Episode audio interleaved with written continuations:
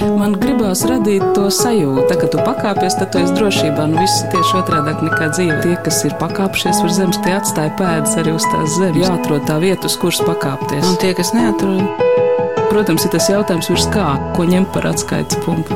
augstāk par zemi. Augstāk par zemi. Augstāk par zemi. Esiet sveicināti! No 3. līdz 8. martam Rīgā notiks starptautiskais dokumentālo filmu festivāls Art Doc Fest Riga. 5. martā festivāla konkursa Baltijas fokus programmā notiks jaunās ukrāņu režisors Alīns Gorlovs 2020. gada filmas Šis lietus nekad nebeigsies Latvijas pirmizrāde. Filmas nosaukumā minēts lietus, bet mēs jau saprotam, ka stāsts nav par laika apstākļiem. Filmas galvenais varonis Andrēs Suleimans dzimis kurda un ukrainietis ģimenē, bērnībā bijis spiests pamest vienu savu dzimteni kara dēļ, taču pāris gadus vēlāk kardarbība aizsākās arī Ukrainā. Karš ir noteicis Andrei dzīvi un savdabīgā veidā pārtaps viņa profesijā. Viņš strādā sarkanajā krustā, palīdz iedzīvotājiem karas kartajos reģionos. Ar jums sarunājas Anna Bušvica, un pēc brīža telefona sarunā no Ukrainas mēs uzklausīsim arī filmas režisori Alīnu Gorlovu.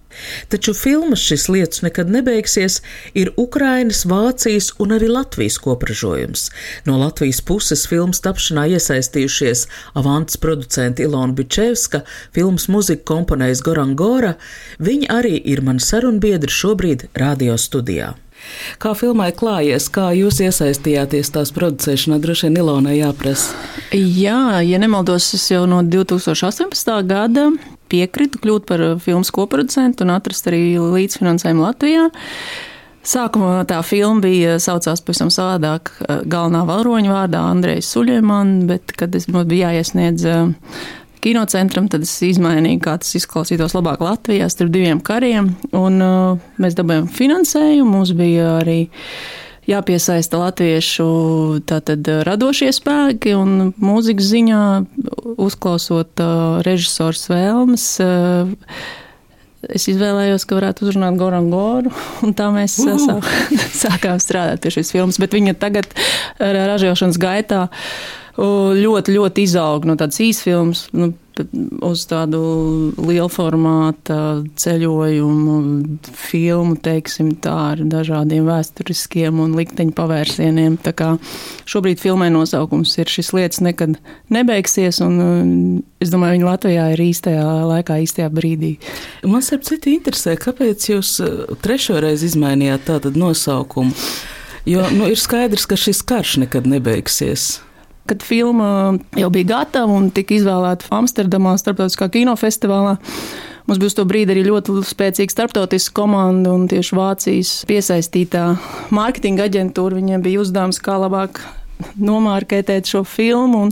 Tas filozofiskais, poetiskais nosaukums vislabāk atbild, un arī tieši vizuālā ziņā tur ir ļoti daudz tādu asaru un ūdens un lietus. Un viņi tā Od sodzos.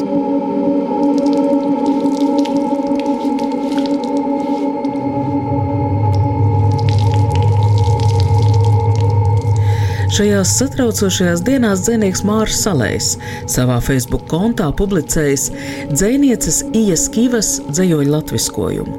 Ija Kīva ir krieviski rakstoša ukraiņu dzinieca no Doņetskas, Luhanskas apgabaliem. Kopš 2014. gada Krievijas invāzijas viņa dzīvo Kijevā, kur sāka dzējot arī ukrainiski. Dzējols tik precīzi ataino filmas Šis lietas nekad nebeigsies noskaņu, ka nevar atturēties to nenolasījusi. Vai mūsu krānā ir karstais karš, vai mūsu krānā ir augstais karš, vai tad patiešām nemaz nav kara? Solīja taču, ka būs pēcpusdienā. Paši savām acīm redzējām paziņojumu. Karš parādīsies pēc 14.00. Nu jau trīs stundas bez kara, sešas stundas bez kara. Kas būs, ja kara nebūs līdz pašam vakaram? Ne veļu izmazgāt bez kara, ne vakariņas sataisīt, ne tēju bez kara izvārīt. Nu jau būs astoņas dienas bez kara. Nelabožam, sievas negrib ar mums likties gultā. Bērni aizmirsuši smaidīt un īgņojas. Kādēļ gan mēs domājam, ka karš nekad nebeigsies? nāksies vien aizstaigāt pie kaimiņiem pēc kara. Otrpus mūsu zaļā parka bīties izšļakstīt karu pa ceļam, pieņemt dzīvi bez kara kā pārējošas grūtības. Šajos apvidos šķiet pretdabiski, ja karš neplūst pa caurulēm, ikvienā mājā, ikvienā rīklē.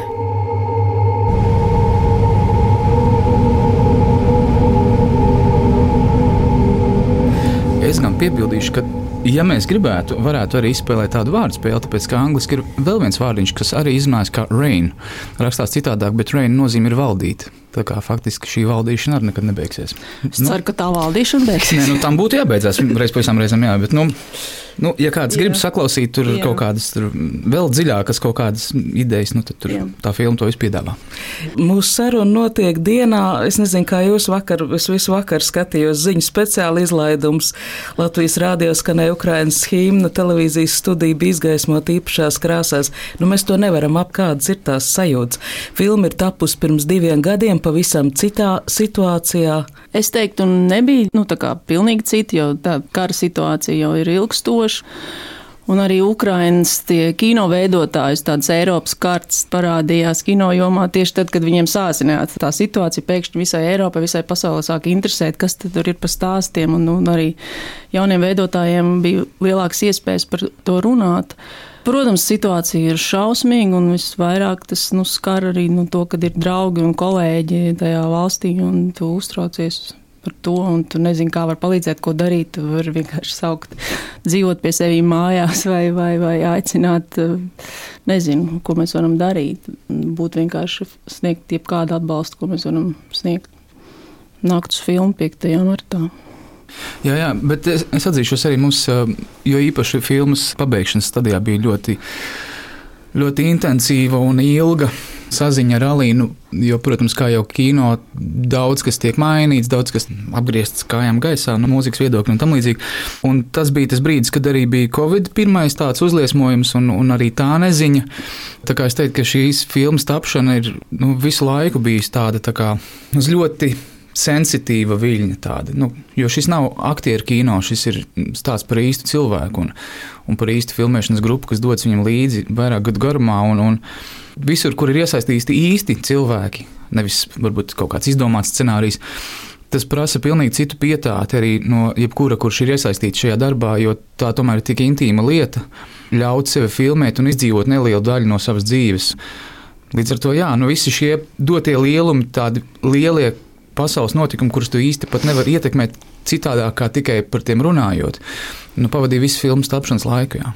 Kas arī, protams, deva ļoti lielu impulsu, vēlmi nostrādāt uz visaugstāko, ko tu vari. Kā notiek eh, filmas mūzikas rakstīšana? Jūs skatāties kadrus, filmas materiālu, un tad rodas kaut kādas sajūtas? Nu, pirmā sajūta bija, man, eh, mēs satikāmies Latvijā. Kas tas bija par pasākumu? Baltijas dokumentāla kino fórums. Nu, Ilona uzaicināja uz, uz tikšanos ar filmas um, veidotājiem no Ukrainas, un tad viņiem bija tāda vairāk tā kā tāda sajūtu kopums, ko viņi man izstāstīja vispār, ko tā filma ir un tā un tā. Un, un tad beigās pēc tam vēl man aizbraucot viņu mājās, atsūtīja visādas uh, fotogrāfijas no jau safilmētajiem materiāliem. Nu, jā, nu tā ir tāda dancošana, kā es to saku. Jo viens ir tas, ko režisors vēlas, un viņi man sasūtīja ļoti daudz uh, muzikālā materiāla, kas viņai patīk, kas, kas viņai šķiet piestāvēt muzikai. Un tad savukārt tā otra mana ambīcija kaut kā izaicināt arī sevi no muzikālā viedokļa, lai arī mūzika nav tikai papildinājums kino, bet lai viņi spēj dzīvot arī pat par sevi un dot kaut kādu stāstu. Un tad jau es eh, darbojos pēc principa, ko es pats izdomāju, ka es sadalīju divās daļās. Viens bija, kā es to nosaucu, aurora, un otrs bija eh, rituāls. Jo tur ir divas tādas, nu, ir gan ātrāka darbība, gan lēnāka darbība, jo tur ļoti daudz dabas mm, ir filmēts eh, ar ļoti episkiem, pieļauju droniem. Nu, tā ka tiešām vizuāli ārkārtīgi iespaidīgi un brīnišķīgs operatoru darbs. Tad jau mēs sākām spēlēt to futbolu, un tā šī tēmiņa piestāv tur, šī tēmiņa tur. Jo tā filma sāks un arī beidzas ar ļoti spēcīgu kadru, kur ir, kā jūs teicāt, ļoti episki filmēta daba, un tā muzika ļoti pastiprina to izjūtu. Tas rada faktiski to sajūtu, kas neatstāja runājot par nu, sadzīviskām, cilvēciski saprotamām lietām. Man liekas, ka Jā. tas bija ļoti nu, veiksmīgs paņēmiens, jo tēmas, kas šajā filmā ir, ir ārkārtīgi dažādas, un es pat nesaprotu, kā viņas varēja sadabūt kopā caur šo Andrēs Ulēmanu personību, jā, bet faktiski, manuprāt, tas notika tieši caur šo vizuālo un muzikas to saplūsmu, šo tēlu. Tas, starp citu, tika atzīmēts arī, manuprāt, Variety bija recenzijā. Tieši tā kombinācija ir ļoti labā līdzsvarā, kas, protams, man tā glaudi paspālē.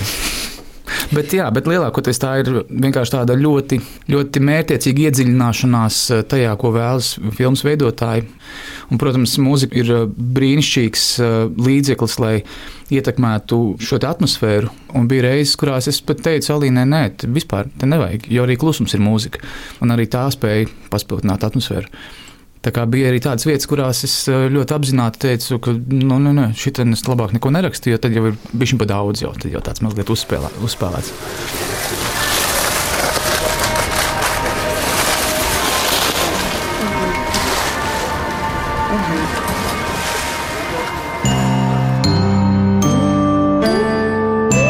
Представляем Ардокфест 2022. Привет, меня зовут Алина Горлова, я режиссерка из Киева, из Украины. Я в основном снимаю документальное кино, и на Ардокфесте я планирую представить э, свой фильм «Этот дождь никогда не закончится». Režisors Alīns Gorlovs filmas pieteikums festivālā Ardokfest Rīga. Režisori īsi iepazīstina ar filmas saturu. Мы рассказываем историю одной семьи, которая наполовину украинская, наполовину сирийская, курдская. Наш главный герой... Viņa stāsta par Andreju Suleimanu, kur apvienojušās divu atšķirīgu kultūru - Sīrijas kurdu un ukrāņu asins, taču abas šīs zemes šobrīd apvieno kara pieredze.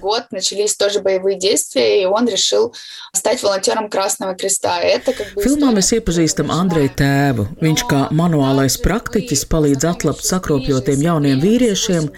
Nekas netiek paskaidrots, bet filmas kopējā noskaņa mudina saprast, ka smagās traumas gūtas tieši kara laukā.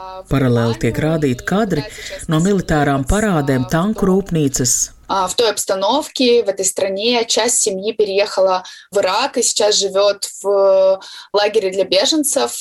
И как бы... Andrejs Sulaiman brālis ir ieprecējies Vācijā. Filmā ir kadri arī no kurdu kopienas dzīves Berlīnē.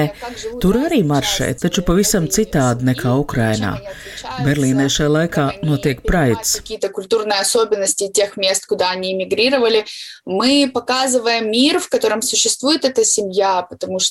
Filmas notikuma aizved arī uz Sīriju. Vecvecāki iekrampējas sen nesatiktajā mazdēlā, negrib ne brīdi laist viņu vaļā, un skatītājiem ir neiespējami nejust līdzi skaistajam skaistajam, mīlestības pilnajam garu mūžu nodzīvojušo kurdu pārim, kuru bērni, mazbērni izklīduši pasaulē.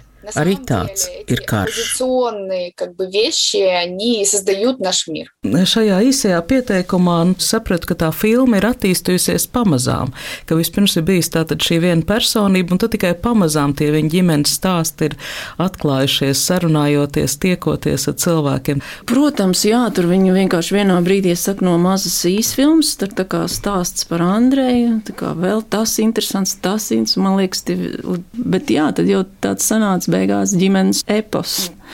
Tur notika tādi arī traģiski um, gadījumi, kas arī ietekmē scenāriju un visu to filmas attīstību. Un es atzīmēšu, uh, nu, varbūt, lai neatklātu intrigu, nestāstīsim, kas jā. ir tie traģiski notikumi, bet tie notika brīdī, kad es arī rakstīju mūziku. Un, un, un, un Alīna saka, mēs braucam filmēt. Nu, kad tev šķiet, ka tā filma jau ir pabeigta. Jā. Viņi saka, nē, nekas nav beidzies. Mēs braucam, filmēt tālāk, un ir jauns beigas. Viss, un, un kaut kas ļoti saudabīgs un manā pieredzē netipisks ir, ka filma varēja beigties jebkā. Ka faktiski tas stāsts nav izstāstīts, un viņš turpinās. Un, un, un tas ir tikai komats, nevis beigas. Daudzslāņains, sarežģīts stāsts. Katrā šķautnē katrs var ieraudzīt savu situāciju, to, bet tas kurdu fenomens, tas ir, man liekas, vispilgtāk parādās arī. Nu, Ballīte uz kalna. jā, jā, un. Uh, Ballīte uz kalna, kurš kas tur notika? Jā, jā, tur bija, es nezinu, ko viņi svinēja, bet. bet jauno gadu. Jauno gadu, bet, bet tik specifiski, katrs savā čupiņā, bet, bet tā kā visi kopā ar milzīgu dejošanu, šausmīgi skaļu, nekvalitatīvu mūziku. Un tad mazie rāģiņi kaut kādi uz, uz pilnu klapu uzgriezt. Un es domāju, kaut kas tik uh, atbruņojošs tajā visā ir, ka tu skaties, kā tie cilvēki svin, un kaut kas pilnīgi citādāks nekā mēs to darām. Un, ka redz, laime jau laikam neslēpjas tajā, cik kvalitatīvs tev tumbas ir, vai cik bagātīgs galds. Galvenais, ka tev ir tava ģimene, un šķiet, viņi to arī visi novērtē visvairāk. Un savukārt savaldzināja Andreja vecvecāku valoda, kas bija ļoti tāda, kā viņi novēlēja drošu tev ceļojumu, kā viņi runāja par savām jūtām, kā viņi ļāvās emociju izpausmēm. Es nevaru iedomāties, ka man radinieki nu, apraudātos, ja kaut ko tādu. Un tu pat šajā ļoti īsajā epizodē redzi cilvēku, kurš ir nu, garīgi ļoti tāds stabils, bagāts. Tas likās ļoti uzrunājoši. Nu, arī viedums, protams, to nu nekādīgi nevar noslēpt. To, ka tie pieaugušie un tie vecākie saprot to, ka es pieļauju, ka tas varbūt ir kaut kā jau vēsturiski un, un, un iespējams kaut kādos kontekstos, bet manuprāt, viņi nebaidās dalīties ar viedumu un ar padomiem, jo tu redzi, ka nu, tas strādā. Nu, ir kaut kādi konkrēti globāli principi, kaut kāda cieņa vienam par to, izpratni par lietu kārtību vai par cilvēcību. Nu, tie, tie lielie vaļi, uz kuriem viss turās. Un ļoti interesanti ir aina, kur Vācijā precās viņa brālēns. Mm -hmm. laikam, ja? Un kā viņi tur fotografējās, un šausmīgi skaisti ezera krastā, un viss tur iznesās, un tieši blakus tur kaut kāda vietējā ģimene ēd pikniku, un, un nu, viņam dzīve ir nu, pilnīgi citās sliedēs. Bet to skaistumu ieraudzīt ikdienā. Nu, pilnīgi tādās marginālās situācijās, tā arī ir liela māksla. Tā kā filmā nav tikai ciešanas un sāpes, ir ārkārtīgi daudz skaistā un ļoti daudz tādu, kas rosina pārdomas par kaut kādām vērtībām, kuras tu godā un cieni. Varbūt arī par to ģimenes un vecāko cilvēku viedumu. Jā, tas, protams, ir mentalitāte, kas ir pilnīgi savādāk. Jā. Un arī tas, ka nu, likteņi plosīta tā situācija visu laiku. Nu, tu zini, pie kā tu vienmēr vari turēties. Tie ir tavi tuvākie, tavu ģimeni, un tu, tu vienmēr tā kā novērtē. Varbūt pārtikušās valstīs to tā nenovērtē. Bet kāpēc jūs jūsu studiju iesaistījāties šīs filmas producēšanā? Man vispār jau ilgu laiku saista tieši darbs ar jauniem režisoriem tieši no ne Eiropas, tieši postpadomju teritorijas, jo man liekas, cilvēkiem ir ļoti augsts radošs potenciāls, bet viņiem ir maz iespēju realizēties Eiropas līmenī, jo ir tās maz iespējas gan finansējumu, tā tālāk. Un es redzu Latviju kā ļoti labs uh, partneris, kurš var palīdzēt iznest tos stāstus. Jo, ja tu ir daudz sakrājies un tā situācija ir ļoti interesanta, krāšņa tajās teritorijās, bet uh, tu palīdzi to vietējiem režisoram parādīt, tur ir ļoti nu, spēcīgi stāsti var nākt. Es vienkārši citreiz Man ir neliels dusmas uz varbūt rietumu režisoriem, kas iebrauc uz nedēļu, divām, un tad stāsta visai pasaulē, kāda ir patiesība. Bet, nu, patiesība ir dažāda, vislabāk to var parādīt cilvēki, kas tur dzīvo un uh, kur dienu dienā. To var uh, vērot, atspoguļot. Tāpēc Ukraina, tāpēc arī jaunie režisori ļoti jaudīgs producents, viņiem, nezinu, knapi 20 gadi.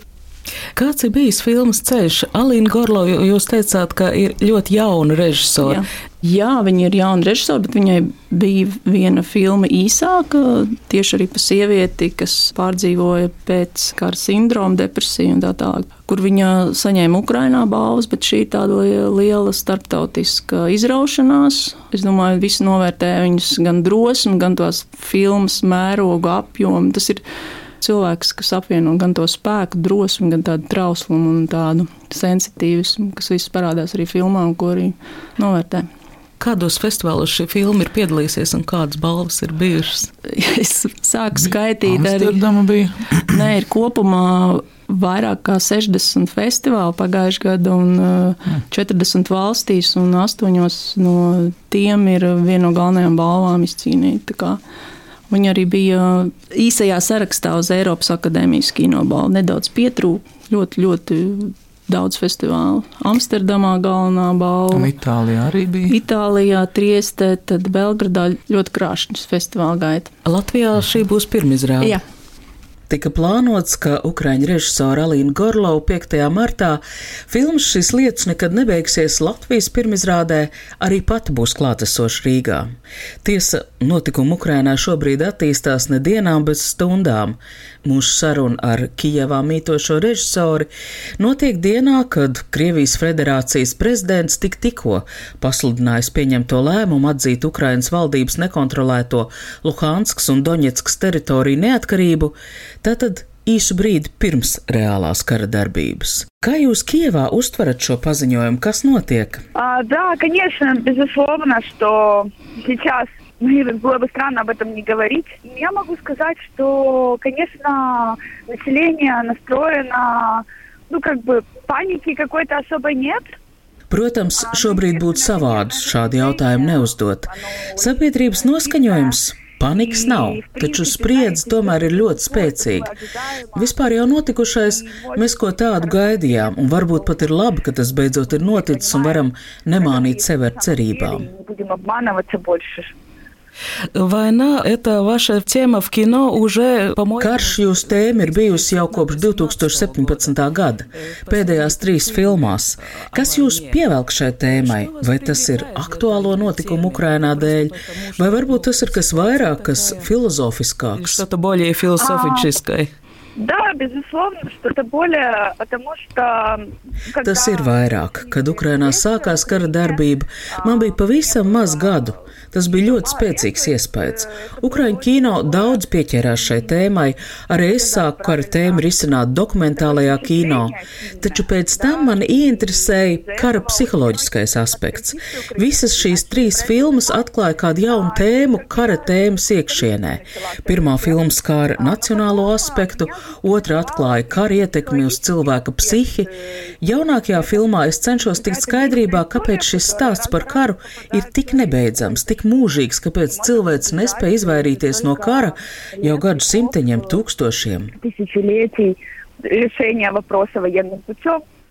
Kā jūs atradāt filmas varoni? Сулеймана. Я искала героя. Я думала сначала, что это должен быть просто молодой человек, pāri Donbasa. Es tiešām meklēju savu varoni. No sākuma es biju izdomājis, ka tam jābūt jaunam cilvēkam, puisim no Donbasa vai šī reģiona. Lūdzu padomu savai paziņai žurnālistei, un viņa man pastāstīja par Andreju. No sākuma es nemaz nenojautu, ka šis stāsts izvērsīsies tik mērogos vērienīgs. Pateicoties filmas varonim, viņa dzīves stāstam, filmas darbība tagad notiek vairākās zemēs. Da, ja Jā, viņa ģimene atrodas trīs valstīs, un katrā no tām ir ļoti atšķirīgs dzīvesveids. Es skatījos filmu, un es domāju, pat ja nebūtu vairs kara ārēju šķēršļu, vai šīs ģimenes daļas jau kad spēs atkal apvienoties, būt ģimene. Очень отличаются, и за этим, безусловно, интересно наблюдать, как эти части, разные части семьи, как они меняются. Atšķirs gan, un ir interesanti vērot, kā ģimenes dažādās daļas jau tagad ir izmainījušās. Tā daļa, kas dzīvo Sīrijā, tā, kas ir Ukrainā vai Vācijā. Arī mēs domājam par to, vai viņi kādreiz spēs būt kopā. Filmas tapšanas procesā viens no dzinējspēkiem bija, ja šī ģimene nevar apvienoties dzīvē, lai viņi ir kopā kaut vai uz ekrāna. потому что в реальности это достаточно сложно воплотить. И непонятно, будет ли это когда-то. Filmā bija kadri, par kuriem pat filmas veidošanā iesaistītajiem. Producentei Ilonai Bičevskai, komponistam Goran Goram, īstas skaidrības nebija, kas īsti tajos notiek. Kamera rāda robežu kontrols punktu, var sajust, ka noskaņa ir nomācoša, bet negluži traģiska. Postenī sēdošais nopēta otru puslodziņam stāvošo, kāda sieviete uztraucas vai ir tik ļoti novecojis, ka vairs nevar pazīt.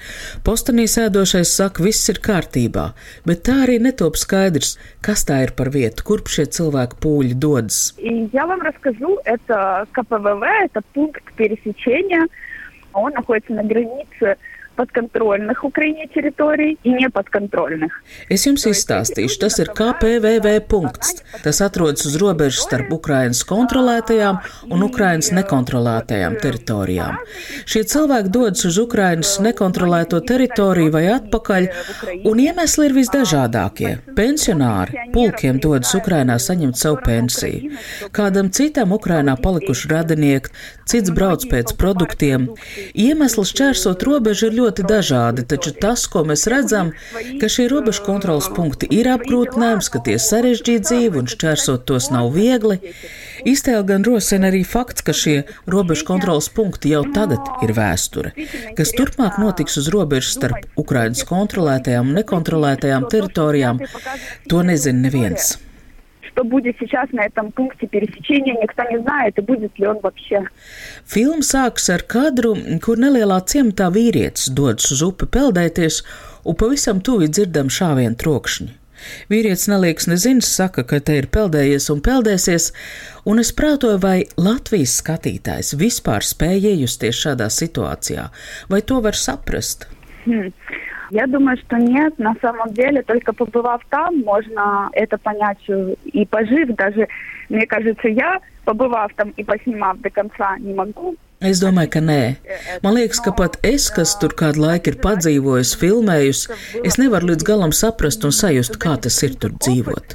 Taču tas ir mūsu dokumentālistu pienākums piedāvāt šādu pieredzi. Tiem, kam šādas pieredzes nav, likt viņiem iejusties, just līdzi.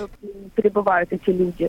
И как-то, возможно, разделить их состояние душевное – Для вас этот фильм кончился? Vai jums šī filma ir beigusies? Man liekas, jūs ļoti pietuvinājāties galvenā varoņa dzīvei, un ko tādu taču droši vien nav tik viegli izbeigt. Да, фильм закончился, безусловно, но связи остались, и Mēs ar Andrejam neķerējam svēs. Filma ir beigusies, bet jā, mēs turpinām sazināties ar Andreju, jo īpaši šobrīd. Viņš turpina savu darbu sarkanajā krustā, un es domāju, ka, diemžēl, tieši šobrīd pēc militārām sadursmēm viņam būs ļoti daudz darba. Un nevajag sev mānīt, ka tādas varētu arī nebūt. Uzbrukumi būs, tie jau ir sākušies. Будут они или нет, они будут, они уже происходят сейчас. Так что... Спасибо вам за это. Paldies par sarunu. Gaidīsim jūs Rīgā. Ждать вас в Риге. Я очень хочу приехать и была рада вас слышать. Jā, es ļoti gribu atbraukt. Kas varbūt bija tie kadri, kas jums lika aizdomāties, kas varbūt palika atmiņā? Nu, tas noteikti tās parādes, kur ir gan tās militārās Jā. parādes, un tad viņa kas vēl paralēls ar tām praida parādēm, un viss tur visu laiku kaut kāds manifesti, tas tāds spēcīgi vizuāls. Man ļoti patīk epizode par upi, kurā viņš netiek plūdiem. Par plūdiem, jā, ka nemitīgi.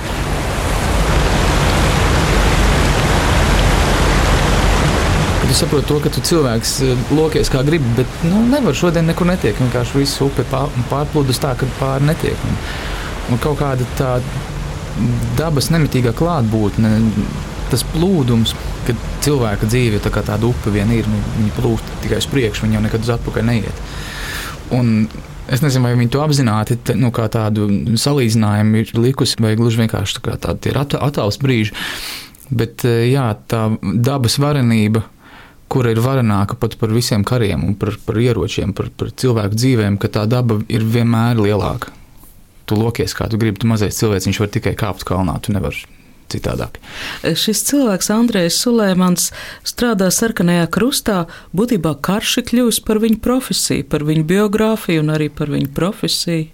Nu jā, tā laikam ir viena tāda paudze, kurai, kurai tā ir ikdiena. Man patīk tomēr tas uzstādījums, nu, ka viņš atrod veidu, kā palīdzēt pēc savas varēšanas un ieskatiem. Un, un tomēr viņš iet tajā sarkanajā krustā un viņš palīdz tiem cilvēkiem, ved tās um, to humano palīdzību. Un, ir jauki redzēt rīcību. Nu, tā. Алина, Алина. Да, да, да. А что нам делать, чтобы этот дождь когда-нибудь кончился? Очень хороший вопрос. Я думаю, что Я думаю, что это глобальный такой э, комплексный подход. Э, Kas mums būtu jāizdara, lai šis lietas beidzot beigtos? Labs jautājums. Es domāju, tai jābūt kādai globālai, kompleksai pieejai. Mums jābūt iecietīgākiem, vajag cienīt vienam otru, dot vairāk brīvības, bet par to tiešām vajadzētu padomāt, kas būtu darāms, lai šis lietas kaut kad beigtos. Тут, да, надо подумать, на самом деле, можем ли мы вообще э, как-то сделать так, чтобы этот дождь закончился.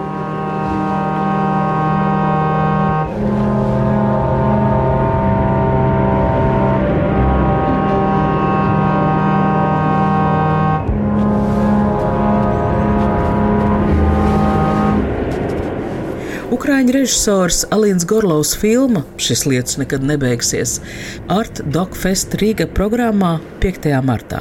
Kino Splendid Peles pusaustoņos vakarā ar producentu Ilonu Bičevsku, filmas komponistu Gorangoru sarunājās Anna Buševica. Par raidījumu skaņgādāja Valdes Raitums.